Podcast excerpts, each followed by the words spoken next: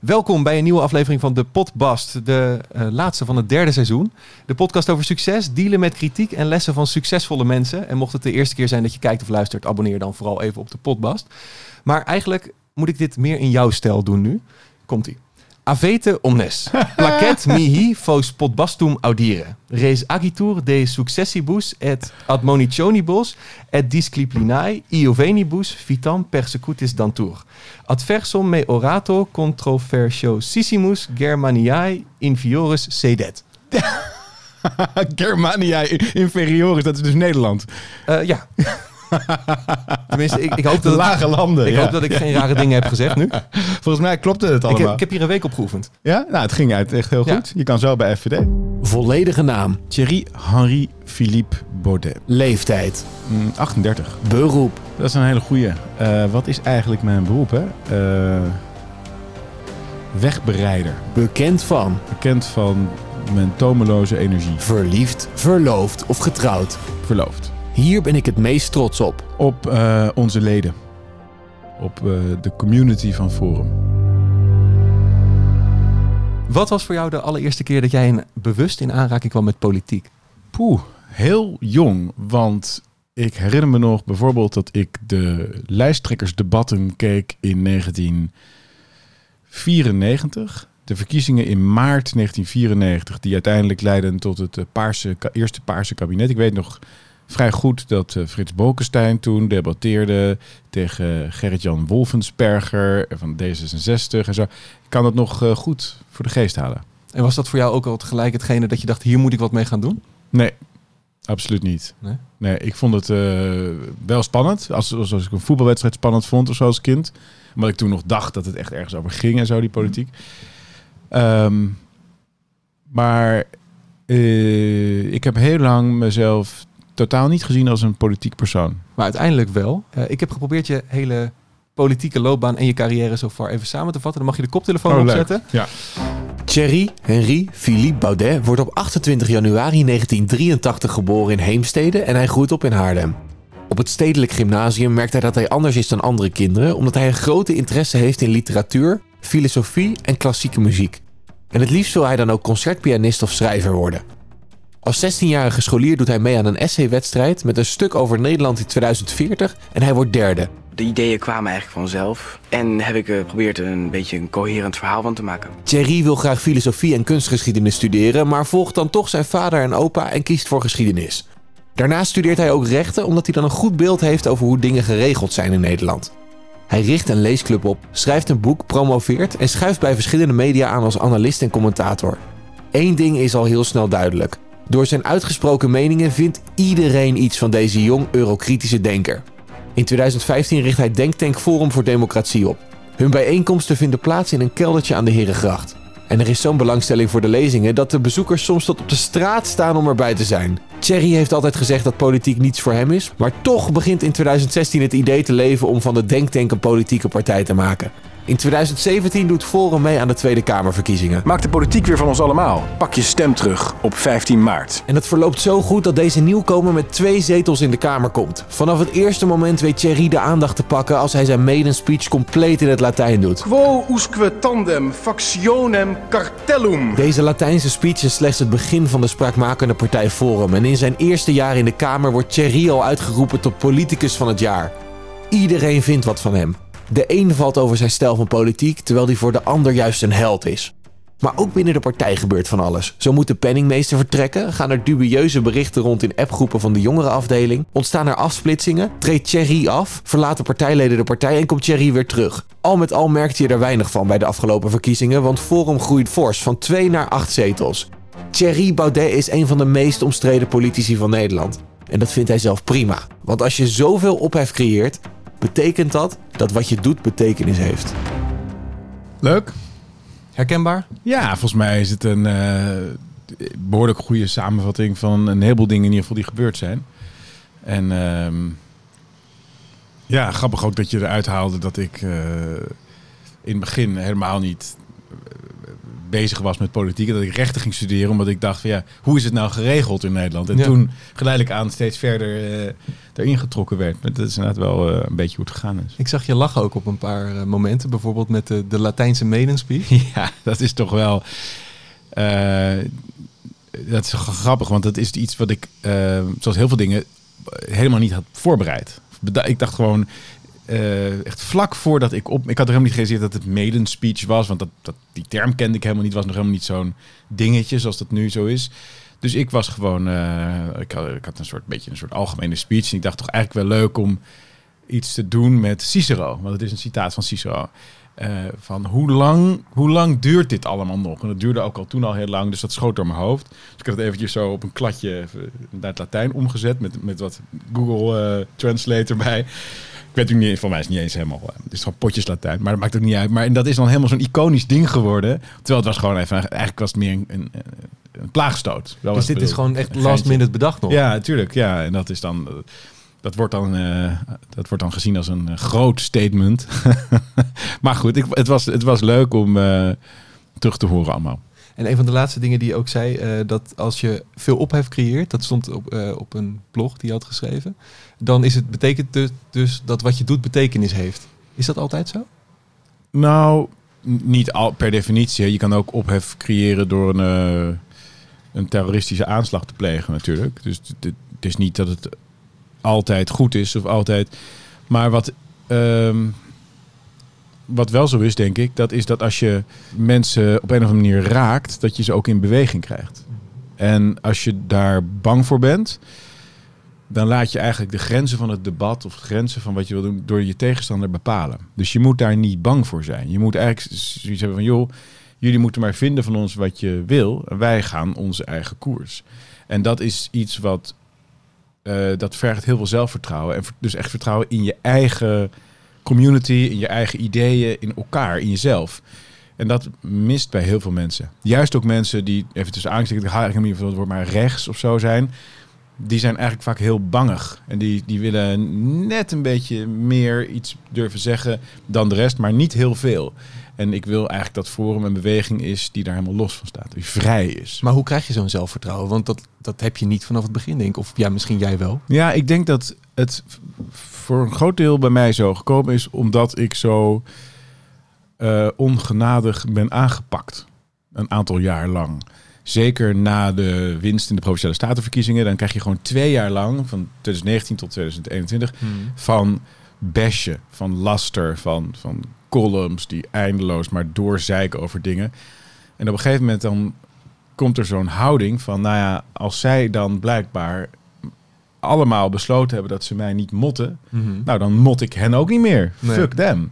En dat is heel bevrijdend. Dus zij, is, ik moet ze eigenlijk dankbaar zijn. Ze hebben mij een enorme dienst bewezen, want ze hebben me laten zien dat Kijk, zij zullen ons toch nooit accepteren. En ze doen wel alsof door de hele tijd eh, hoepeltjes te creëren waar je door moet springen. Maar dat gaat eindeloos door.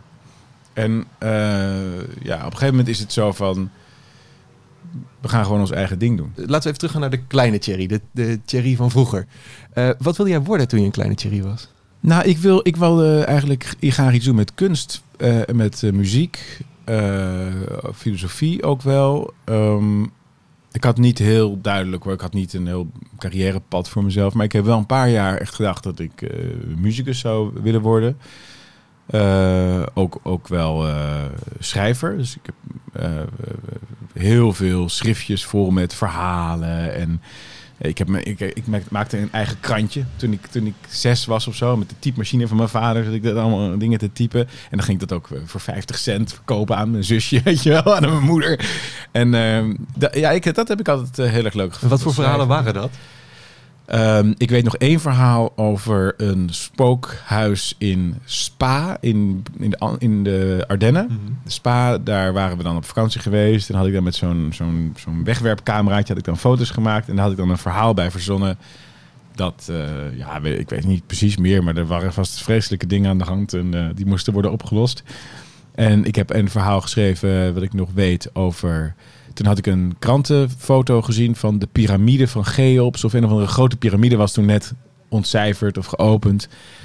En daar had ik dan een verhaal bij verzonnen dat daar een schat lag en dat mensen... Ja, het, zal- het zal niet grote literatuur zijn geweest, maar ik, ik, dat, dat vond ik leuk om te doen. Ik schreef de hele dag door. En ze kocht het ook, je moeder en je zusje? Eh, ik denk dat dat wel gebeurd is, ja. Maar ik vrees dat dat dan toevallig samenviel met de dag dat ik zakgeld kreeg of zo. Dus ik, ik weet niet. Dat, maar ehm, ja, dan koop je daar een ijsje van en dan ben je blij. Het ging, het ging, niet om het, het ging absoluut niet om het geld. Het ging gewoon om dat ik het leuk vond om eh, een product af te leveren. Ik, dat heb ik ook altijd, altijd wel gehad. Dat het fijn is om het af te maken en dan... Zit die kleine Thierry van het krantje nog steeds in je? Ik probeer die wel steeds te blijven vinden. Hoe doe je dat? Bijvoorbeeld door eh, niet de hele dag bezig te zijn met de actualiteit of het managen van de organisatie. En dat, dat probeer ik meer te doen. Dat is niet zo makkelijk. Zeker in de fase die we achter de rug hebben met zo'n campagne en zo, dan ben je er echt continu mee bezig. Maar mijn doel voor deze zomer is om, en, en vanaf de tijd erna, om meer contact met de kleine Thierry te hebben. Ja, want ik denk ook dat een deel van creativiteit, wat wij natuurlijk alle twee dan hebben, dat dat ook is, eh, dat dat dat kind is wat nooit weggegaan is. Omdat als iedereen groot wordt, dit wordt heel filosofisch nu in één keer volgens mij, maar eh, als je groot wordt, heel veel mensen die zijn alleen maar bezig met serieus zijn, met het, het in de maat lopen. En Ja. dat is denk ik killing voor je creativiteit. Ja, en eh, dat kind kan heel stil worden. Het kind kan zich verstoppen. Ja. kan onder het eh, bed kruipen. En je moet toch een veilige plek in jezelf creëren. Waar dat kind zich durft te laten zien. Mocht je nu op de achtergrond heel veel straatgeluid horen, dan komt het omdat wij dus echt in jouw huis zitten hier aan de gracht. Met het raam met open. het raam open. Ja.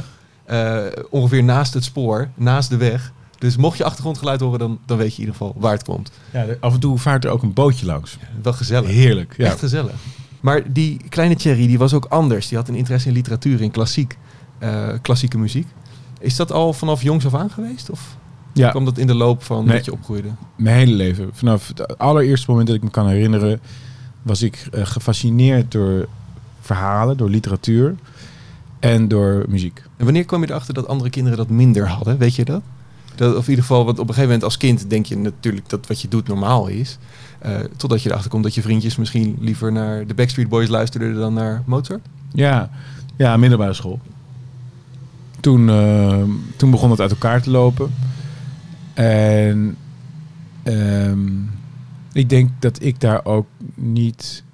eh, ik denk dat ik vanuit, vanuit mijn ouderlijk huis niet goed geleerd heb om dingen bij mezelf te laten, bij mezelf te houden. Want je kan natuurlijk prima als kind eh, eigen interesses hebben zonder dat dat eh, botst met wat leeftijdsgenoten willen. Hè. Je hebt Mhm. ook niet iedereen, als je heel graag badmintont of zo, en niet iedereen doet dat. En dan kan Ja. het, maar dit schuurde wel mij, omdat het. ehm, ik vond het ook heel vervelend, dat klassikale onderwijs. Ik verveelde me dood op de middelbare school. Je zit de hele dag, moet je stilzitten en zo. En dan... Ja, ik vond, ik vond het een hele irritante tijd, de middelbare school. Ja, want die, die andere kinderen die hadden dat niet. Hoe, hoe keken zij naar jou? Was je die outsider daar of hoorde je er wel bij met je eigen gedachten? Wat ik heel moeilijk vind is om eh, eh, een periode van, van zoveel, dan zes jaar, waarin heel veel, om dat echt in één of twee termen samen te vatten. Er zijn zeker momenten geweest dat ik me heel alleen voelde, Mhm. heel eenzaam. Een beetje zo rond mijn mijn vijftiende, zestiende zo. Maar eh, juist ook in die tijd wa- wa- waren er dan vaak weer andere dingen die heel leuk waren. Dus bijvoorbeeld, ik ging toen elke week naar de groepsles. Dus dan ga je, moet je allemaal wat spelen en dan heb je andere. En, en een van de meisjes die daar, kreeg ik toen wat mee en eh, die kon ook heel goed piano spelen. En dat was, dat was er ook. Hè? Dus het is on- onwijs moeilijk om dat zo samen te vatten. Ik denk wel dat ik me eh, veel allener voelde dan ik me daarna in mijn leven heb gevoeld. Ik vond ook Haarlem, vind ik nog steeds hoor, waar ik ben opgegroeid, geen prettige regio, geen prettig gebied. Toch een beetje eh, kleinburgerlijk, bekrompen soort. eh, best wel mm, ja, oordelend Mhm. allemaal. En een beetje, ja... ja, niet zo'n vrije geest. Nee. Vond ik. En dat vind ik dus, dus dat, dat soort dingen zaten mij wel dwars. Aan de andere kant, ja... ehm, ik, ik, heb, ik kan me ook heerlijke middagen herinneren dat ik, dat ik lekker aan het lezen was, of lekker aan het spelen was, of muziek, piano aan het spelen was. Of, ja, ik vind het, het is dus niet om flauw te doen of zo, maar ik vind het heel lastig om, kijk, als je jong bent ook, als je dan bepaalde dingen wil verwerken. En ik heb ook bepaalde elementen uit mijn jeugd, bijvoorbeeld de echtscheiding van mijn ouders, Mhm. heb ik in een van mijn romans, eh, Voorwaardelijke Liefde, heb ik dat best wel verwerkt. En dan ga je heel erg zitten, ook op de pijnlijke elementen. En die waren er absoluut. Hè. Het is kut als je ouders uit elkaar gaan enzovoort. Maar als je dan weer nog wat ouder wordt, en eh, halverwege de 30, ik ga richting de helft van mijn leven, ik krijg- dan, eh, ik heb bij mezelf dus het gevoel dat ik het allemaal veel meer plaats in een soort relativerende context. Mhm. Ja, misschien is het een saai antwoord of een teleurstellend antwoord. Hoezo zou het teleurstellend zijn? Nou, omdat je natuurlijk als je een vraag stelt, eh, dan wil je ook een. eh, het liefst wil je dan dat er een soort antwoord komt dat een bepaalde kleur geeft. Dat het je aan het denken zet? Of? Ik ben ergens voor of ik ben ergens tegen of het was mijn jeugd was leuk of niet leuk. Of, Ja, is dat zo? nou, dat, dat denk ik van mezelf dan. Dus Ja. ik heb het voel nu het gevoel dat ik eigenlijk een slechte gast ben van jouw podcast, omdat Ja. ik er eigenlijk een beetje nu ja. Nou, we hebben nog even om het recht enerzijds, trekken. anderzijds. ja. Nee, maar ik denk, ik denk dat, kijk, weet je, tegenwoordig moet alles eh, eh, zwart of wit zijn, links of rechts zijn. Maar ik, ik denk dat dat helemaal niet zo is. Ik bedoel, als jij dit zo op deze manier ervaart, daar gaat het om. Daar gaan deze gesprekken ook om. En uiteindelijk wel om lessen te hebben voor jonge carrièremakers. Die ze zelf kunnen toepassen in hun carrière. ja. Dus vandaar dat ik dit ook vroeg met het anders zijn en het eh, net buiten een, een groep staan met andere interesses. Meer van, wat zouden jonge carrièremakers daarvan kunnen leren van hoe jij het hebben aangepakt? Weet je, als je net bijvoorbeeld op werk er net niet bij hoort, omdat je net anders bent. Ja, nou het enige wat ik daar, wat me nu te binnen schiet, is dat ik denk wel dat ik misschien meer heb eh, aangeleerd om te vertrouwen op mezelf. Dus als je eh, al jong het gevoel hebt van, eh, wow, er is een groot verschil tussen mijzelf en de wereld, dan kun je twee conclusies trekken. Of je kan heel onzeker en depressief worden. Of je kan denken, nou, eh, fuck de wereld. En dat tweede heb ik volgens mij een beetje gedaan. Ja. maar, maar daar maak je niet altijd geliefd mee natuurlijk, toch? Met de Nee. fuck de wereldhouding. Dat klopt. En dat is ook eh, wat ik denk dat de reden is dat het belangrijk is dat ik er ben. Want andere mensen kunnen dat niet aan. Dus ik doe, dat, ik doe het voor. Daarom noemde ik mezelf ook een wegbereider. Ik doe dat voor de anderen. Ja. En ik ben het schild en achter mij kunnen mensen vrij zijn. Hoe is dat om het schild te zijn voor mensen? Hoe voelt dat? Is dat... Is dat... Ja, die, Vervelend. Ja, nee, we hadden voor, voor het gesprek net al de vraag. Toen vroeg ik, wat is de stomste vraag die je krijgt? En toen zei je, hoe voelt het? Hoe is het met je? En nu stel ik hem zelf en dan denk ik, oh kut. Nee, maar de, het is meer de, de- als het gewoon een hele algemene vraag is. Maar de, nee, ik vind het. Ik zou het heel leuk vinden als er meer mensen waren zoals ik, die Ja. elke keer de grens iets verleggen, die elke keer die eh, ruimte opzoeken. Zijn er natuurlijk ook wel meer aan het komen, heb ik de indruk. Eh, je hebt toch heel veel alternatieve media nu. Je hebt Mhm. veel mensen die dingen organiseren en zo. Maar het voelt best wel vaak eh, ook een beetje eenzaam. En dan, dan Omdat je ook alle klappen krijgt. Omdat je de enige bent. Ja, en je ziet gewoon dat mensen, bijna alle mensen, die zijn geneigd om hun standpunt af te zwakken richting het acceptabele. Bijna alle mensen zijn op zoek naar een compromis. En in de praktijk is een compromis altijd heel goed, maar in theorie is het niet goed. Dat wil zeggen, je moet eerst precies weten wat je eigenlijk zelf wil. En daarna kun je gaan zeggen van, eh, nou, laten we dan daar elkaar vinden. Maar de meeste mensen komen er helemaal niet aan toe om eigenlijk aan zichzelf toe te geven en ook naar anderen te vertellen wat, ze- wat het eigenlijk is dat ze zelf willen. Of dat ze zelf vinden. Omdat ze al anticiperen op het compromis. Dus eigenlijk ga je er soms harder in dan eigenlijk de, de, eindconclusie moet worden. Ja, ja of, of mag worden. Ik, ik kan prima met compromissen leven. Ja, Alleen je moet eerst wel eventjes gewoon. eh, even aanpakken. nou, niet, uit- maar je moet toch gewoon weten wat je wil. Ja. We- wat, wat je zelf wil. En dat, eh, dat durven heel veel mensen niet. Je hebt ooit ook wel gezegd daarover, ik had het hier opgeschreven, volgens mij was het dat je, het is noodzakelijk om soms de meest pijnlijke opmerkingen te maken, alleen dan kun je opvattingen veranderen. Ja, dus ehm, als iemand de hele tijd zegt: Ik heb zo'n mooie neus, ik heb zo'n prachtige neus, maar iedereen heeft net zo'n lelijke neus als ieder ander, Mhm. dan hoef je niet de hele tijd diegene te beledigen daarin. Je hoeft niet eh, continu te zeggen van. eh, maar soms kan het wel ontzettend bevrijdend zijn om eens een keer te zeggen: Ach man, schijt toch eens uit met dat gezeik over die neus van je. Mhm. En natuurlijk gaan de media dan schrijven van... oh, Baudet weer provoceren om het provoceren. Altijd maar weer ruzie en dit en dat. Maar wat je eigenlijk doet, is je creëert waarheid. Je creëert je creëert eh, eh, eh, ruimte om eh, echt te zijn. En, en ook nodig je die persoon die zo loopt op te scheppen over zijn neus, in dit voorbeeld, eigenlijk uit om vanaf dat moment met ironie, met zelfspot te leven. Ja. Dus je geeft iemand ook een cadeau. Je, je biedt iemand aan om, eh, om zichzelf onder ogen te zien. Maar er, er zijn natuurlijk ook tal van mensen die vervolgens eh, die dat helemaal niet aankunnen. Nee. En, die, en, en ja, dat, dat is denk ik een hele principiële levenskeuze die ik heb gemaakt. Ik wil liever in de waarheid leven dan dat ik eh, in vrede wil leven. En ik accepteer dus dat, dat heel veel mensen dat niet aankunnen. Maar wat is de waarheid dan? Nou, ik zal een voorbeeld geven. Ehm, een tijdje geleden gaf mijn vader mij een boek cadeau.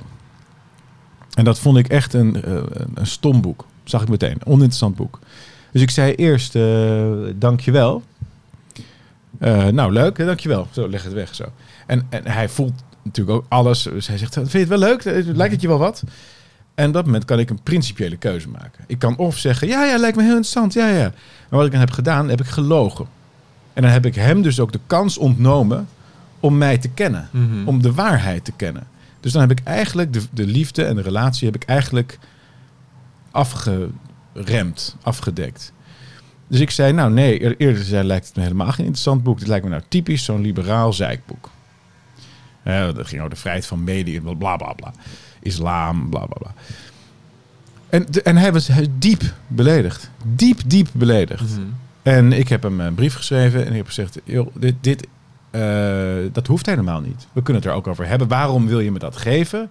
Wat, wat, ehm, wat bedoel je ermee? Wat denk jij erbij? Daar kunnen we open gesprek over hebben. Het is niet een aanval op jou, maar ik, ik, ik kies ervoor om de waarheid te zeggen.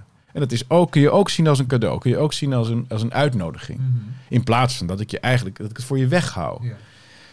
Nou, eh, dat eh, komt allemaal wel goed hoor. Ik heb een hele goede band met mijn vader. Maar dat is volgens mij exemplarisch voor eh, wat ik doe in het leven. En wat ik, waar ik voor kies. Wat ik echt, dit, is, dit zie ik als het meest diepe overtuiging die ik heb. Ja, maar ik herken ergens wel wat je zegt nu. Van door ergens, eh, bijvoorbeeld ook toen, wij toen ik tegen mensen zei dat we dit gesprek gingen opnemen. Toen was van tevoren al dat mensen zeiden, dat moet je niet gaan doen. Dat is, eh, dat is slecht voor je. Anderen zeiden, dat moet je wel gaan doen. Thierry is een held. Weet je, dus het twee kanten. Maar waar dat wel voor zorgt, denk ik tenminste als ik je goed interpreteer, is dat ik er zelf ook over na. Van hé, hey, waarom doe ik het wel? Waarom doe ik het niet? Sta ik erachter? Past het binnen wat ik wil doen? En dat past het.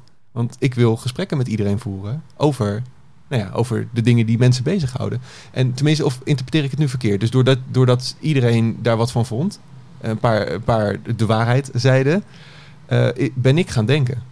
Ja, Of interpreteer ik het helemaal verkeerd? Nou, nee, dat op zich eh, denk ik dat dat klopt. Dus dat mensen tegen je zeggen dat ze het niet mee eens zijn dat je Hmm. mij gaat interviewen, bijvoorbeeld. Daarmee geven ze jou ook een eh, cadeautje. Inderdaad. Want elke keer als iemand de waarheid spreekt, dan is dat iets moois. Maar het maakt dus eigenlijk niet uit wat de waarheid is, als het maar gewoon oprecht is. Ja, en het, mooi, en het mooiste is natuurlijk als degene die dat dan zegt, de waarheid, v- diezelfde eerlijkheid ook tegen zichzelf betracht. En dan ook bereid is om te, zichzelf af te vragen van ja, maar waarom vind ik dat eigenlijk? Ja. Waar ben ik eigenlijk bang voor? Waarom zou je niet met iemand in gesprek mogen? Nee. Eh, de- en, en vervolgens, ja, denk ik dat bijna iedereen tot de conclusie zou moeten komen dat kennis en informatie en je verdiepen enzovoorts nooit slecht kan zijn. Iets anders wat ik vond tijdens de research, wat ik opvallend vond. Jij bent model geweest vroeger. Ja, hoe weet je dat? Ja, grappig dat Ja. je dat hebt eh, Nou ja. gevonden. Ik doe mijn research wat dat betreft. Dus eh, Ik Maar- heb een anderhalf jaar als eh, fotomodel gewerkt. Ja, ja. dat, dat hou ik eigenlijk... dat, beetje, dat heb ik nooit zo ehm, meer veel mee gedaan. Maar Nee. dat is, ik heb voor... ik heb in verschillende gaybladen gestaan. in. Hoe heette dat blad ook weer? Eh, cappuccino, espresso. Ik heb geen idee. Ik ben niet helemaal thuis in die wereld. Nou, ja, er was een blad. Daar Ja. heb ik eh, in gestaan. En ik heb voor G-Star heb ik dingen gedaan. Ik heb voor Nike gedaan. Ik heb een paar eh, shows gelopen. hoe, hoe, hoe ben jij Maar ik was er totaal ongeschikt voor, Waarom? Hè? Nou, omdat ik ten eerste het dodelijk vermoeiend vond om een dag lang te staan. En ten tweede omdat ik denk dat ik een veel te grote persoonlijkheid heb. Dus ik denk dat ik veel te weinig eh, ja, ik, ik wilde gewoon eigenlijk, eh, zoals dan zei zo'n director, die zei dan van eh, je moet boos kijken. Maar op dat moment voelde ik me uiterst vrolijk, weet je wel. Dat, dat, dat, dat- ik vond dat heel moeilijk. Misschien kan je dat leren hoor, maar ik, denk niet dat ik echt eh, heel erg, eh, ik denk niet dat een groot model in mij verloren is gegaan. Je bent eh, columnist geweest, opiniemaker, je hebt stukken geschreven. Ja. Maar uiteindelijk altijd dus gezegd, die politiek is niks voor mij. Weet je nog het, het kantelpunt wat, dat je toch dacht van nou, Ja, dat weet ik nog heel goed. Ja? Dat was de zomer na het Oekraïne-referendum. Dus op 6 april 2016 hadden we dat referendum. Dat hebben we echt eh, voorbereid. En, want dat begon drie jaar daarvoor toen ik eh, met een serie handtekeningen voor het eerst de Tweede Kamer inkwam om daar een gasttoespraak te houden. We hadden toen heel veel handtekeningen dan een beetje Mhm. uitgenodigd. En toen heb ik gezegd, jongens, wij willen een referendum over de EU. En toen zeiden ze, nee, je krijgt geen referendum over de EU, maar we, krijgen wel, we maken wel een wet en dan kun je het zelf aanvragen. Nou, dat was dus een traject van vele jaren waar ik daarmee bezig was geweest. Toen kwam het Oekraïne-referendum. Hebben we dat ook helemaal gedaan. Eh, samen overigens met, eh, met Geen Stijl. Die hebben we toen, daar hebben we heel leuk mee samengewerkt toen. En eh, toen werd dat in juni uit mijn hoofd, 2016 dus, werd dat terzijde geschoven. Toen zei Rutte van nee, maar we vinden een geitenpaadje en een inlegvelletje. En toen ben ik bij elkaar gaan zitten met de mensen waar we dan toen dit mee deden. En toen zeiden we, ja, of we gaan iets totaal anders doen, of we gaan een partij beginnen. Dat was een bijeenkomst in, eh, eh, hoe heet dat ook alweer? Lage Vuurse of Mhm. zoiets? Hoge Vuurs, Lage Vuurse. lage vuurse bij de pannenkoekenboerderij. Ja, daar zit een pannenkoekenboerderij en daar zijn we toen gaan eh, pannenkoeken gaan eten. En ik moet zeggen dat we ook wel dat dus, want je had toen ehm, het Brexit-referendum gehad. Dat was volgens mij 23 juni 2016. En je had toen de opkomst van Trump. En die verkiezing was in november 2016. Dus er was toen een soort politieke energie, als het ware. Wij hadden het referendum gewonnen, weet je wel. Boris Johnson was eh, de man. Eh, Trump was bezig. Het was echt een hele leuke, spannende, energieke tijd. Je had toen allemaal memes en het kwam allemaal een beetje op. En plaatjes en iedereen was enthousiast. En toen dachten we, nou, fuck it, let's, let's go. En eh, ja, toen heb ik de hele campagne gedaan. En ik heb dat wel allemaal heel leuk gevonden. Maar ik ben wel de afgelopen tijd weer dichter bij mijn oorspronkelijke standpunt gekomen. Dat, eh, dat je politiek waarschijnlijk pas iets kan veranderen op het moment dat je de cultuur verandert. En dus, dus de, eh, Andrew Breitbart die zegt: Politics runs downstream from culture. Dat wil dus zeggen stroomafwaarts ten opzichte van de cultuur. Dus de bron is de cultuur. En ja, je kan wel een beetje een dammetje gaan opwerpen. Maar uiteindelijk die rivier die stroomt gewoon een bepaalde kant op. En als je dat wil veranderen, dan moet je veel, in ieder geval veel meer doen dan alleen politiek. En misschien ja, is politiek wel eh, iets dat vooral volgt op nou ja, wat de mensen in de kranten schrijven, wat op de universiteiten wordt geleerd. Maar dat pannenkoekhuis zou we dus waren. Ik, ik sleep je elke keer weer terug naar het pannenkoekhuis. ja. Spekpannenkoek overigens. Dat is Lekker. mijn favoriet. Welke was het? De Vuurse Boer op de hoek? Met de, met de ruitjesgordijnen? Eh, nee, eh, nou, eh ruitjesgordijn. Nou, eh, val ik door de mand. Ik weet niet hoe dat. ik weet niet meer precies hoe het eruit zag. Ik weet nog wel dat we daar waren. Maar Wij kwamen daar met mijn ouders vroeger heel vaak. Vandaar Oké. dat, ik het, eh, dat ik het ken. ja, dan ken jij het. Waarschijnlijk heb jij dan een gedetailleerder beeld. je- Ja. Ik zat natuurlijk gewoon na te denken en ik Ja, zat ja. niet te kijken naar de gordijnen. Ik was bezig met kleurplaten. Ja. weet je. nee, maar goed, op, dat op dat moment, je, je was eh, jong natuurlijk nog. Je had de partij dat begint, dat heeft nog niet heel veel geld. ja. Hoe pak je zoiets aan? Als je, oké, je kan natuurlijk wel van alles bedenken en eh, de rots waar de stijl op moet staan, maar hoe pak je zoiets aan als je een partij wil gaan beginnen? Eh, Wat ik heb gedaan is vanaf oktober 2016 bijna elke avond naar een café gaan in het land en dat aankondigen via Facebook. En daar eh, probeerden we dan vaak een, een bovenzaaltje of zo te krijgen waar je niet echt voor hoefde te betalen. Dan hadden we gewoon eh 50 mensen, allemaal een biertje en dan vond die kroegbaas het vaak wel weer prima. En van, van stad naar stad, van dorp naar dorp te gaan. En overal eh, proberen om leden te werven. En een lid betaalde dan 25 euro. En ik geloof dat we op een gegeven moment tussen de 5 en de 7000 leden toen hadden. In dat eerste, dus een eerste half jaar van helemaal naar die campagne toe. En van dat geld plaatste ik Facebook advertenties.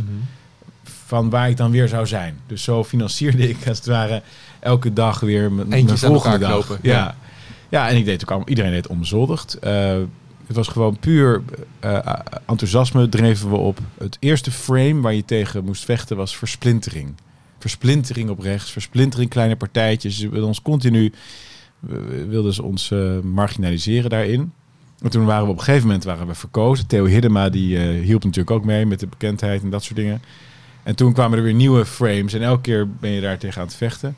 Maar vanaf het pannenkoekenhuis naar de campagne was eigenlijk een kwestie van kroegbazen bellen. Ja, en met carnaval zag ik ook in eh, het Ja. laatste forum eh filmpje. Ja, klopt. Ja, dus op een gegeven moment, Jort Kelder die had toen een, eh, een contract via bij ons bij de PC of hoe heurt het eigenlijk of een van die programma's.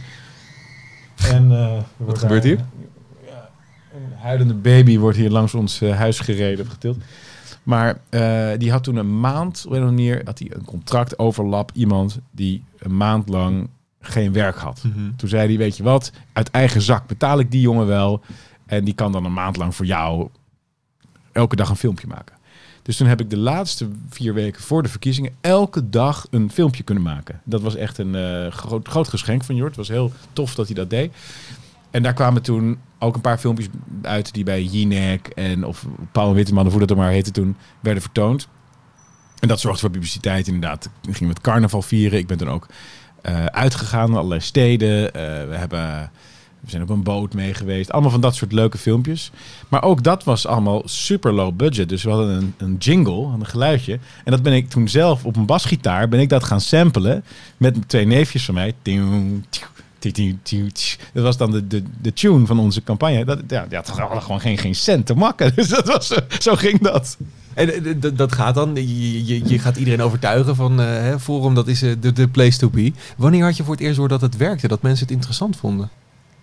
Eigenlijk al heel snel, want ehm, op 14 januari 2017... Je weet alle data ook gewoon. Ja, ja, ja die, die, die staat in mijn geheugen gegrift. Toen hadden we de Tolhuistuin gehuurd hier in Noord voor het eerste partijcongres. En daar konden nou 350 man in of zo. En een week of drie, vier, nou ja, een maandje daarvoor, dacht ik, in december had VNL ook een partijcongres georganiseerd. En dat werd overal gepresenteerd als onze concurrent. En, en zij stonden op drie zetels in de peiling en wij op nul en zo. En daar kwamen toen, ik denk, 100 man op af bij VNL. En wij, konden, wij moesten een zaal bijhuren met schermen, omdat er gewoon meer dan 600 man naar ons partijcongres kwamen. Een, een, een totaal nieuw partijtje, zonder budget. eh, staat op nul zetels in de peilingen. En er komen 700 man. En toen dachten we, oké, dit is veel groter dan we dachten. Hoe voelt dat op zo'n moment? Fantastisch. Ja. Dat was echt, dat was zo bijzonder. Dat was zo leuk. Die eerste tijd ga je ook alleen maar omhoog en je stijgt in de peilingen. En je gaat met een legervest, ga je in de kamer. Je bent een beetje aan het stunten en een beetje aan het zoeken waar zijn de mogelijkheden. En op dat moment is natuurlijk ook eh, grote naïviteit. En daar ben ik ook even zelf in gaan geloven. Van, weet je, misschien, misschien lukt het wel weet je, om politiek te gaan veranderen. Wauw. Ja, dat was, dat was gaaf. Maar dat is weg nu? Omdat je zegt Ja. grote naïviteit? Ja, ik ben daarin weer terug bij mijn oude idee van, nou, maar dat gaat helemaal niet. Ik, ik wil nog steeds prima mee regeren of zo. Hè. Ik zou best wel dat, dat willen aangaan, maar nee, de gedachte dat je dat wel even eh, naar je hand zet. Ja, er is natuurlijk ook veel gebeurd. Hè. Trump die zit niet meer op zijn post. Eh, Boris Johnson is totaal links afgeslagen. Ehm, eh, wij hebben hele grote klappen te verduren gekregen. Ik ook persoonlijk. Mhm. Hele, toch wel een bepaald soort vertrouwen dat ik in mensen heb gesteld. Dat dat eh, ernstig geschaad is. Maar ook vertrouwen in journalistiek enzovoorts. Dat ze op een eerlijke manier dit zouden spelen. Wat niet het geval is. Dus ja, dat optimisme dat, dat ik eerst had. Van eh, wauw, weet je, we gaan het maken. Dat is wat getemperd. Wat, Ja. wat niet betekent dat mijn vechtlust of strijdlust verminderd is. Maar het is meer van de lange mars door de instituties. Die moeten we echt maken. Je zegt ook vaak van, ik, ik wil dit niet doen, ik moet dit doen. Zeg Ja. maar het lijsttrekkerschap. Eh, dat is heel anders dan de meeste mensen in de potbas zeggen. De meeste mensen zeggen, je moet iets gaan doen waar je in gelooft. Je moet, eh, hè, wat je, nou ja, dat geloven, dat doe je. Maar iets wat je leuk vindt, iets waar je... Hè? Ja, Maar dat lijkt bij jou anders te zijn. Ja moet. nou, ik vind het wel heel leuk om de partij te leiden. De beweging te leiden. Ik vind het heel erg leuk om het land in te gaan, met mensen te spreken, om een verhaal te doen. Dus ik vind heel veel aspecten van mijn werk wel leuk. Maar ehm, hetgene wat het meest zichtbaar is voor de mensen naar buiten, dat vind ik inderdaad niet leuk. Wat ehm, is er in je persoonlijke leven veranderd sinds je de politiek in bent gegaan? Want ik zag een filmpje van vier, vijf jaar geleden dat je nog op de, met de fiets hier over de gracht ging. Kan dat nog? Ja, dat kan nog. Ja hoor, doe ik ook gewoon. Wat er is veranderd is dat ik geen vrijgezel meer ben. Niet vervelend, denk ik. Nou ja, Ze, ze is hier, je kan niet eerlijk zijn, dat is waar. Nee. nee, nee ik ben heel gelukkig, heel Ja. verliefd. Maar het is wel, eh, het, het is ook leuk hè, als, als man, of misschien als vrouw, om om vrijgezel te zijn. Ehm, wat veranderd is, is dat ik eh, meer. eh, ja, ik wou zeggen, meer aanspraak heb. eh, omdat ik hè, dus vaak herkend word en zo. Maar ik, dat valt ook eigenlijk heel erg mee. Ja. Zoveel is er niet veranderd. Weet je nog de eerste keer dat je herkend werd? Ja, dat was toen ik 16 was. Toen ik die opstelwedstrijd won in, dat, in het intro wat je liet horen. En ehm, eh, ja, toen fietste ik naar huis, van school naar huis. En toen kwamen er twee meisjes langs en die, eh, die fietsten langs. En die hadden dat gezien en die vonden het heel interessant. En toen zei ik van, nou, zullen we dan even eh, iets gaan doen? En dat, we, dat durfden ze toen niet. Die zijn Ja. weer door, heel snel doorgefietst. Ja. Heb je dat vaker ge- gebruikt, ook dat mensen je aanspraken van... hé, hey, ik ken jou. Dat je nou, leuk, zullen wij gewoon even wat gaan doen nu? Met mensen zeker. Eh, vrouwen heb ik niet, kan niet zo eh, voor de geest halen of ik dat op die manier heb misbruikt. Maar met mensen wel. Ik ben heel open. Ja. Als iemand zegt van... ge- wat raar dat je dit of dat hebt gedaan of zo. Ja. Dan denk ik, oh, nou, nou, nou, soms heb ik geen zin natuurlijk. Hè, maar als ik wel, als ik gewoon even tijd heb of zo, dan... eh, ja, dat vind ik, dat vind ik leuk. Ja. Want als je publiek figuur wordt, dan verwachten de meeste mensen ook... dat je altijd maar tijd en zin hebt en op de foto wil. Of ervaar je dat anders? Ja, maar als, ik, ik heb een hele directe manier. Die zegt, sorry, hier ben ik privé. Sorry, ik heb even geen zin. Als je het gewoon heel duidelijk en eerlijk Mhm. zegt, dan zeggen mensen, oh, oké, joe. Weer die waarheid. ja.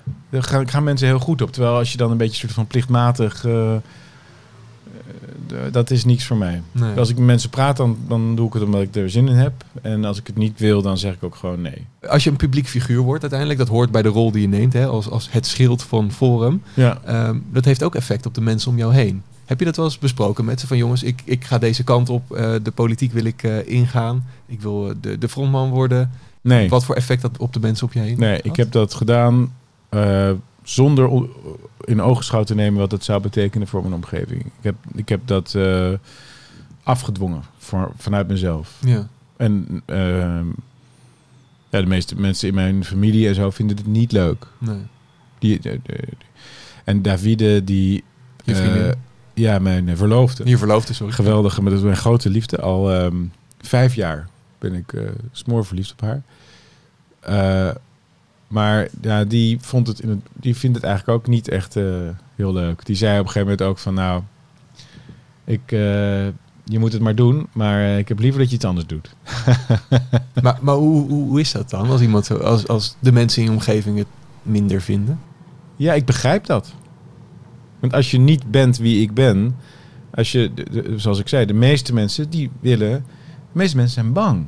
De meeste mensen zijn, die willen gewoon een beetje, ja, een, een beetje een eye over de bol van het systeem. Die willen een plekje in de bestaande orde. En eh, sommige mensen willen dan een beetje meer verdienen of een beetje een, iets hoger plekje Mhm. of een ander plekje.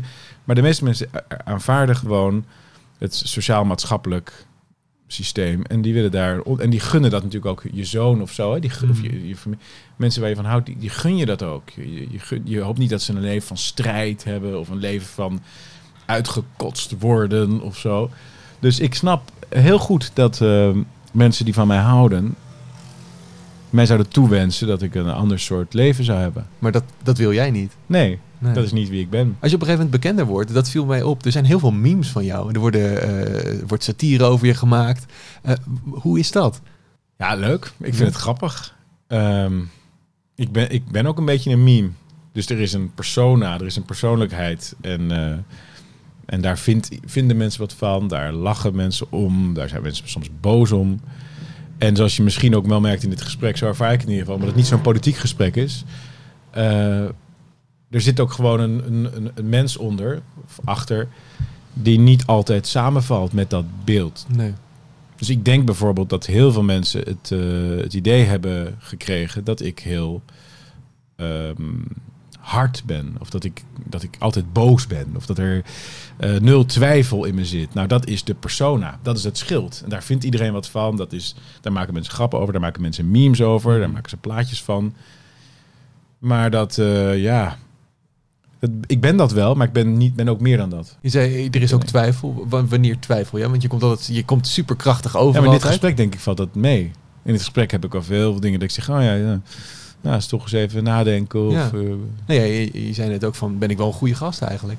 Daar, omdat je daar net over nadacht van, zijn mijn antwoorden wel spannend ja, genoeg? ben ik wel een goede eh, pot, potgast. Maar Ja. die, die, die memes, er, wordt, er, is een, er is een hoop gemaakt. Maar dat is toch ook logisch, hè? Kijk, dus wat, wat natuurlijk eh, mijn werk is ook voor een deel publiek. Het moet ook publiek zijn, want ik wil de mensen bereiken enzovoorts. Maar als je toch een beetje vergelijkt met een normaal beroep. Hè? Mhm. Iemand zou automonteur zijn. Ja, ik ben dol op oude auto's. Ik heb enorm respect voor automonteurs. Zijn geweldige mensen. Maar die, zijn, die kunnen natuurlijk ook snoeihard zijn op hun eigen terrein. Namelijk bijvoorbeeld die bougies daar, die zitten niet goed. Dat moet anders. En dan zeg je, "He- heb jij nooit twijfel? Weet je, nou nee, niet daarover, want dat is mijn vak, dat weet ik. Die bougie die zit niet goed. En terwijl dan kan daarna vervolgens ga biertje drinken. Waar ben je naartoe op vakantie geweest? Heb je een leuke vakantie gehad? Nou, poeh. eh, En dan komt... Dus dat is, het is ook mijn werk om sterke meningen naar voren te brengen. Het is niet mijn werk om op een podium te staan en te zeggen... Nou jongens, wat vinden we hier eigenlijk van? Ik, eh, ja, soms wel. Hè. Ik, soms zeg ik ook eerlijk van hier twijfel ik over. Bijvoorbeeld over UFO's of zo. Dat voor al die verhalen van die aliens en Mm. dingen. Daar twijfel, ben ik gewoon over aan het lezen. 9-11 ben ik over aan het lezen. Daar twijfel ik over. Dat weet ik allemaal niet. Er zijn heus wel onderwerpen, maar als het gaat om dingen waar je campagne op voert, en nou, stem op ons, dat is niet stem op ons, want we twijfelen. Nee, Nee. stem op ons. dus ik snap dat als mensen dat zien, dat ze dat beeld hebben, maar ja, daarom vind ik het ook leuk om dus wat vaker dit soort interviews te doen, Ja. omdat je dan ja gewoon wat meer je persoon laat zien. En, eh, ja, maar daar was ik ook heel benieuwd naar. Naar de persoon Thierry.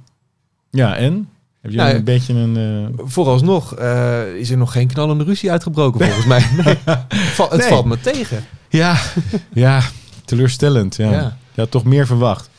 Nou, ik ben blij dat we het al zo lang volhouden samen. Ja. Want dat is ook een van de dingen die, eh, die mensen dan ook weer zeiden. Blijft hij zitten? Ik hoop dat hij niet wegloopt. Anders heb je wel een hele korte podcast. Ja, ja. korte lontjes. Ja. Ja, overigens is dat. ehm, dat is nou typisch iets wat gebeurt bij van die journalisten die eigenlijk niet willen weten wat jij zelf vindt, maar die hun eigen punt willen maken. Mhm. Maar goed. Oh, ik dacht nu, nu, komt, nu komt de uitleg, maar... Nee, maar dat is dus precies wat jij ook al eerder zei, dat je dat niet leuk vindt. Ik vind dat ook niet leuk. Nee. Dat altijd maar dat pak hem aan en hebben ze dan helemaal. Die luisteren ook helemaal niet meer naar je antwoorden. Weet Nee. je? Maar hoe is dat als alles zeg maar, wat je zegt nieuws wordt? Want als jij nu bijvoorbeeld- iets over dat pannenkoekenhuis in Lage Vuurse zegt... van daar hebben ze, ik noem wat, de beste pannenkoeken... dan staat dat morgen op Telegraaf in Lage Vuurse de beste pannenkoeken. Hoe, hoe is dat, dat alles wat je zegt nieuws wordt?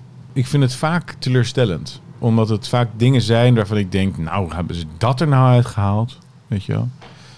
Ehm, dus het is vaak ook dat... ze- Ik heb vaak het gevoel dat ze denken, nou hebben we hem. Nou hebben we hem. Ehm, terwijl ik dan bijvoorbeeld iets heel anders heb proberen te zeggen in een bepaald interview. Of, weet je, en, dan halen ze toch weer iets uit en dat wordt dan de kop van het stuk. En Baudet geeft toe, eh, dit of dat. Ze willen mij neerzetten als een, een, een ruziemaker die, die emotioneel en intellectueel of politiek labiel is. Waar iedereen bij wegloopt. Weet je. Er valt niet mee samen te werken. Die continu eh, tegen allemaal schenen schopt en dan heel hard wegrent als een soort Pietje Bel, als een soort eh, infantiele ja, eh, druktemaker die te weinig aandacht heeft gehad in zijn jeugd, want een ongelukkige jeugd gehad, whatever. Daar maken ze een heel verhaal van. En dat is het verhaal en alles wat daarin past, hoe minuscuul dat ook is, dat, daar maken ze iets groots van. Terwijl als je een honderd keer het tegendeel bewijst, dan is dat voor hen geen nieuws, omdat het niet past in in het beeld dat zij hebben. Mhm. En dat geldt voor alles. Hè? Niet alleen voor mij, maar dat geldt ook voor de wijze waarop Donald Trump in Nederland wordt afgeschilderd. Of de Brexit bijvoorbeeld. Gaan honderd dingen goed in de Brexit. Bijvoorbeeld, als je dan voor die vaccinaties bent. De Engelsen hè, hebben buiten de EU om veel meer vaccinaties kunnen inkopen. Maar eerst zeggen ze dan: Oh, Engeland kan geen vaccinaties inkopen, want Brexit. Mhm. En dan lukt het ze wel en dan is het geen nieuws meer. Nee. Want het past niet in het frame. Zij willen laten zien: Brexit slecht, Brexit slecht, EU goed. Ja, wordt daar EU echt goed. over nagedacht? Weet je, ik heb Ja, ook bij verschillende eens, media eh, gewerkt en daar heb ik dat gevoel niet. Nee, maar het is niet eens dat ze daar bewust over nadenken. Maar het, is, het zijn de grenzen van hun denkvermogen. Het zijn de grenzen van hun denkkracht. Zij zijn er zo van overtuigd dat de wereld op een bepaalde manier in elkaar steekt. Dat, dat zij ervaren dat ook als nieuws. Zij, zij, denken, zij denken, dit is belangrijk om te laten zien. Want dan snappen de mensen dat de EU goed is. En de Brexit Dus slecht. eigenlijk onbewust is het. Het, je denkt dat het een heel groot deel is het onbewust. Ja. Een heel groot deel is het een soort automatisme.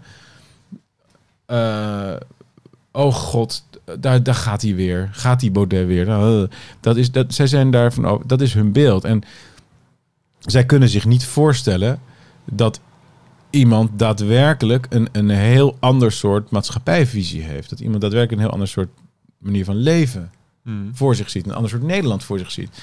En daarom dat ik ook met dat forumland aan de slag ga. Dus een app waar wij gaan laten zien wat we willen. We gaan onze eigen woningbouwverenigingen opzetten. Onze eigen onderwijsinstellingen. Omdat ik merk dat de overtuigingskracht van woorden is beperkt. En je kunt het veel beter laten zien. En ik ben ervan overtuigd dat als mensen, ook die geen forum stemmen... omdat ze in de war zijn door intellectuele discoursen... als ze mijn school zien, dat ze denken, oh, is dat wat hij bedoelde? Nou, begrijp ik het. Ja. Oh, natuurlijk ga ik een forum stemmen. Of als ze mijn woningcorporatie zien en zien dus hoe je ook kan bouwen. Wij gaan straks een wijk bouwen. Gewoon woonhuizen bouwen. En iedereen wil daar wonen. Die zegt, ja, natuurlijk wil ik dat. Ik wil helemaal geen moderne architectuur. Is dat wat hij bedoelde? En dus heel veel dingen gaan op hun plek vallen als ik het kan laten zien aan mensen. Want ja, woorden, mensen zijn natuurlijk behekst door taal.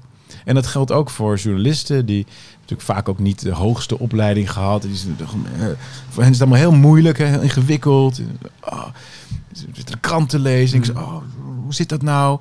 En dan, ehm, ja, dan, dan maken ze er iets van dat eigenlijk vooral een weerspiegeling is van hun eigen kleine wereld, Ja. hun kleine geest. Ik vind het wel ergens gevaarlijk, omdat ik heb zelf journalistiek ook gestudeerd. Ik, ik, eh, weet je, ik ken ook veel mensen die in de media werken. Omdat een hele be- beroepsgroep wordt wel afgeschilderd als het is fake nieuws. Zij, ze doen het niet goed. Ehm, Maar het is toch ook fake nieuws? Ze doen het toch ook niet goed? nou, dat, dat weet ik niet. Ik denk wel dat er meer geluid van verschillende kanten te horen mag zijn. Maar ik denk bijvoorbeeld, net als bijvoorbeeld nu de NOS, die de logo's van hun wagens moet halen omdat ze op straat in elkaar getikt worden anders. Dat vind ik gevaarlijk.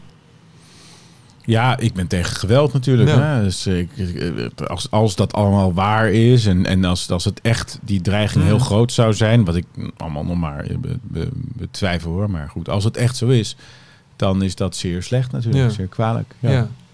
Nee, maar ook gewoon omdat zeg maar, dan, dan wordt gezegd de media die zijn niet. Maar ik weet ook niet wie dat dan doen en eh, daar zou ik dan meer over moeten weten. Ja, maar je wordt nu, je impliceert nu dat dat door mij komt. Nee, nee, door- zeker. door- nee, maar doordat er wordt gezegd eh, dat, dat journalisten fake nieuws zijn. Of, Ja, maar zeker kijk, niet- wij moeten ook de logo's van onze wagens halen... doordat de NOS zulke belachelijke dingen over ons schrijft. Dus het is... eh, ik, als het al zo zou zijn dat, dat FVD'ers Hmm. dit zouden doen... dan is het natuurlijk maar één boodschap. Jongens, hou daar in godsnaam mee op. Belachelijk, natuurlijk doe je dat niet.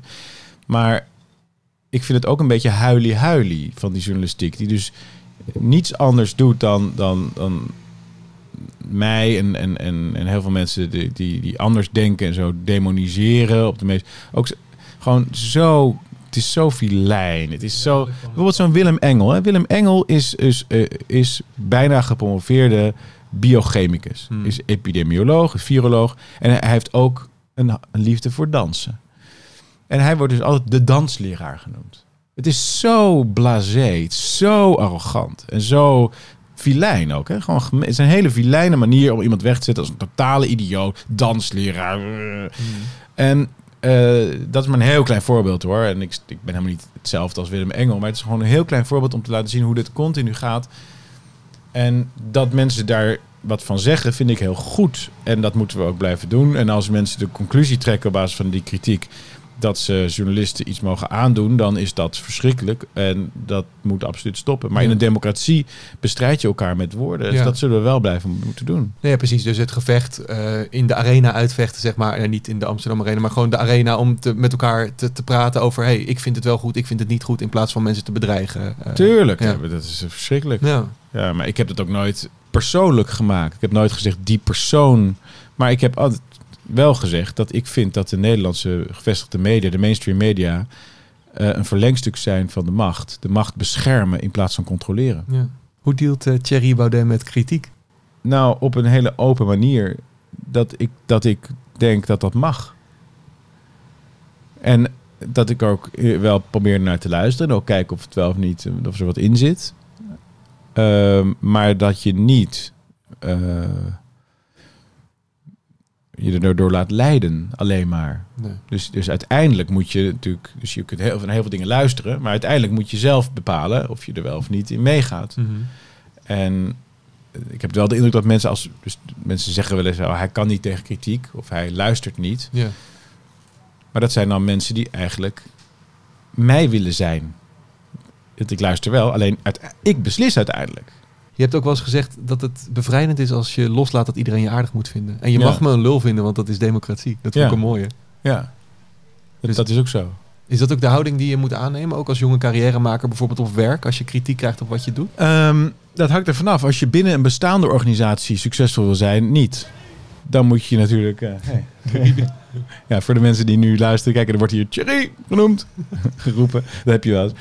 Ehm, maar ik denk dat als je binnen een bestaande organisatie, een grote corporate of zo, eh, een advocatenkantoor, dat soort dingen, dan moet je ple- pleaser zijn, denk ik. Dan moet je dus binnen die.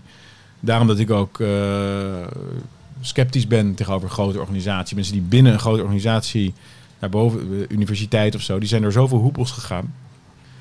Maar als je een start-up bent en een eigen ding wil neerzetten, ja, dan moet je scheid hebben volgens mij. Ja, gewoon zeggen van joh, ik, ik heb mijn visie, niet zeiken, ik ga gewoon door. Ja, en ik vind ook dat we daarin, dat we dat wel wat meer dat Amerikaanse mogen hebben daarin. Het trots zijn op wat je doet. Iemand die iets bijzonders doet, Steve Jobs of zo bijvoorbeeld, hè? Ehm, dat, dat is waarschijnlijk niet het meest invoegende karakter. Niet de meest gepolijste gezelligerd die je eens even lekker bij tante Beb op de verjaardag een stuk taart ziet eten. Nee, dat zijn mensen die, die willen iets, die hebben hoekige kanten, die, die, die, die, die flappen wel eens wat eruit. Die zijn misschien niet eh, de meest gedomesticeerde huisdieren. Nee, dat zijn wilde beesten, dat zijn roofdieren. Dat zijn, en dat is, dat is bijzonder, dat is leuk dat je dat eh, soort mensen hebt. En ik vind dat we daar in Nederland soms te veel, eh, ja, dat we te veel alles willen bijschaven. Dat we de hoekjes eraf willen hebben. En stel dat je dit nu luistert en je denkt, ik ben zo iemand, inderdaad zo'n zo'n wild beest. Eh, en, en je krijgt Dan kritiek. zou ik niet bij een corporate gaan werken, maar dan zou ik eens eigen bedrijf beginnen. Ja. Maar, maar je, stel, je, je werkt wel bij zo'n corporate en je, je krijgt wel die kritiek. Wat, ehm, wat kun, hoe kun je daar dan het best mee omgaan? Je baan opzeggen. Is dat echt serieus hoe makkelijk het is? Ja, ik, nou, ik, sommige mensen zijn te veranderen, maar ik denk dat de meeste mensen niet te veranderen zijn. En ik denk dat de meeste mensen die dat wel proberen bij zichzelf, ongelukkig worden. En ik denk ook dat er veel mensen ongelukkig zijn. Ik denk dat heel veel mensen vastzitten in een leven met een hypotheek en een relatie en een, eh, een baan en, en noem nog eens wat vaste ankers hè, in het leven. Waar ze eigenlijk, eh, nou ja, ik weet niet hoeveel mensen dat zijn, maar ik denk dat het best wel veel voorkomt. Dat zie ik dan altijd als mensen agressief zijn in het verkeer. Hè, Even, hebben het hier vaak, dit is een druk punt. Ik woon, en het gaat best vaak, dat iemand zit met een fiets en dan daar heb je een vrachtauto die probeert achteruit in te parkeren. En dan heb je zo'n auto, BMW of iemand een Audi, iemand die waarschijnlijk best wel redelijk verdient. En je, oh godverdomme. Dan denk ik, oké, eh, eh, sneu. Sneu, lullig voor je. Hè? Je had ook iets anders met je leven kunnen doen. En eh, een vriend van mij, Michael Pilarczyk, die ken je misschien wel of niet. En die heeft het altijd over leef je mooiste leven. Probeer te vinden, wat wil je echt? Wat wil jij echt met jouw leven? En ik denk dat die vraag, mensen stellen zich te weinig die vraag. Begeleid jij ook jong talent? Heel veel. Wat voor mensen begeleid je bijvoorbeeld? Nou, bij onze organisatie werken heel veel jonge mensen. Zoals elke succesvolle start-up zijn wij gewoon een jong bedrijf. Weet je, ons gemiddelde leeftijd is denk ik eh 30 of zo, of 29, 30. Ehm, maar we hebben ook een jongerenafdeling, de JFVD. En daar zitten mensen bij tot 29. En dat zijn dus veel studenten of, of young professionals of, of mensen die met een PhD bezig zijn. En die zie ik veel. Vorige week hebben we nog een hele dag eh, zijn we gaan kickboksen en eh, praten. En ehm, we hebben ook mensen die stages lopen. Ik nodig altijd als er jonge mensen komen die iets van hun leven willen maken en die geïnspireerd zijn op een manier wat wij doen, nodig ze altijd uit. Ik vind, eh, ja, ehm, het mooiste is als mensen hun hele leven dicht bij zichzelf blijven. Maar wat ik net zei, al die vaste ankers van het leven. Ik zie heel veel mensen die worden ouder en die verliezen hun glans. En die zijn dan bezig te overleven, die zijn bezig te behouden wat ze hebben. Een beetje krampachtig soms ook.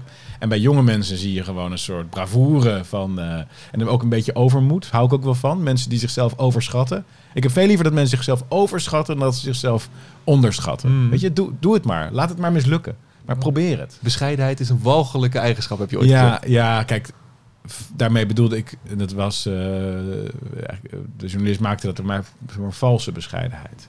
Jezelf naar beneden halen. Wees trots op wat je doet. Ja, doe het gewoon. En stel de jonge Thierry die eh, in dat pannenkoekenhuis zit, die komt naar jou toe. Die zegt, eh, oudere Thierry, hoe word ik zo succesvol als jij? Wat zou je hem zeggen? Kies je eigen helden. Dus probeer eh, zoveel mogelijk los te komen van alles wat ze van je willen, wat ze je aanreiken. En kies je eigen helden, ga je eigen weg. Het is niet erg om ehm, geen opleiding te doen. Het is niet erg om ehm, een, een, een ander pad te kiezen dan wat anderen doen. De meeste mensen die eh, in de pas lopen, worden ongelukkig. Hoezo? Ik heb absoluut zo geleefd. Ja. En ik ben heel eh, trots op mijn leven. Ik ben heel trots op hoe ik het heb gedaan. Ik vind dat ik heel veel mooie kansen heb gekregen, maar ook heb gepakt. En ik ben heel dankbaar voor heel veel dingen. En Michael, Michael Pilacic, die vriend van mij dus, die zei... Iemand echt vergeven is kunnen zeggen... Dankjewel voor deze ervaring. En dat vind ik een hele mooie les. Ik weet niet of het altijd kan. Hè? Als iemand jou echt kwaad heeft gedaan. Mm. eh, eh, als iemand je, je auto heeft gestolen. Dan eh, weet ik niet dat ik zeg, nou, dankjewel voor de ervaring. Maar er zijn wel heel veel dingen in mijn leven... die me verdriet hebben gedaan. Liefdesverdriet. ehm, onbegrip, afwijzing. Waarvan ik nu eigenlijk bijna alles kan ik zeggen... Dankjewel voor deze ervaring. En dat heeft mij sterker gemaakt. Heeft me gebracht waar ik nu ben. En zonder die ervaring was het ook niet gebeurd. Dus ik ga eigenlijk heel harmonieus door het leven. Ik heb niet veel vijanden of ehm, wrok of, of rekeningen die ik nog wil vereffenen. Nee, ik, eh, dat vind ik heel mooi. Staat er een draaiorgel voor de deur? Ja, leuk hè? Ja, ik geef altijd geld, want ik vind dat zo gezellig. Maar die staat ook echt letterlijk voor de deur. Nee, en daarom komt hij ook terug. Ja, ja die staat hier aan de deur. Ja, nee, nee, die staat hier om de hoek. We hebben hier markt. Het is, het is zaterdag nu, nu het wordt opgenomen. En ik woon vlakbij de Noordermarkt in Amsterdam. En dat is, mag ik wel zeggen, gewoon de leukste markt van de wereld. Dus, en daar hebben we ook een draaiorgel. Ik sluit de potbast altijd af met eh, de potbast sticker met de vraag waar ga je hem plakken? Oh, wat leuk. Ehm, ehm, ik denk dat ik eh, deze helemaal nergens ga plakken. Ik vind het wel een leuke sticker, maar ik, ja, ik hoef hem eigenlijk niet eh, ergens te plakken. Dit is de waarheid, hè? Ja. ja, ben ik de enige eerste die dat heeft durven zeggen? Nee, eh, Jort Kelder die gaf hem me terug. Die zei, het gebaar is gemaakt, dankjewel. Ja, Hier heb oh, je hem oké. terug. Nou, Jort, Jort ja, goed van Jort. Ik ben blij dat ik hier geweest ben. Dankjewel Dat ik je heb voor leren kennen. Hartstikke leuk. Zullen we elkaar een hand geven aan het eind? Eh, ja, nou ja, vooruit. Why not? Dankjewel. Dankjewel, Thierry. Hey, Bastiaan nog even hier en dank voor het luisteren naar deze potbas met Thierry Baudet. Als je het een interessant gesprek vond, deel hem dan vooral. Dat kun je bijvoorbeeld op je Instagram story doen. En als je mij dan tagt, de radio meneer, dan maak je ook nog kans op de potbas sticker. En op het podcastplatform waarop je nu luistert staan nog veel meer gesprekken. Bijvoorbeeld met Lange Frans, André Kuipers, Sylvana Simons en Jort Kelder. En als jij de gesprekken inspirerend vindt en je wil dat er nog meer komen, dan kun je de potbas steunen via petje.af slash potbas. Jij weet dan als eerste wie de nieuwe gast is en kan een vraag doorgeven. En door jouw steun kan ik weer nieuwe afleveringen maken. Dat klinkt als een goede deal, toch? Petje.af slash potbast. Nou, dit was de laatste potbast van het derde seizoen. Dank voor het luisteren. en tot na de zomer.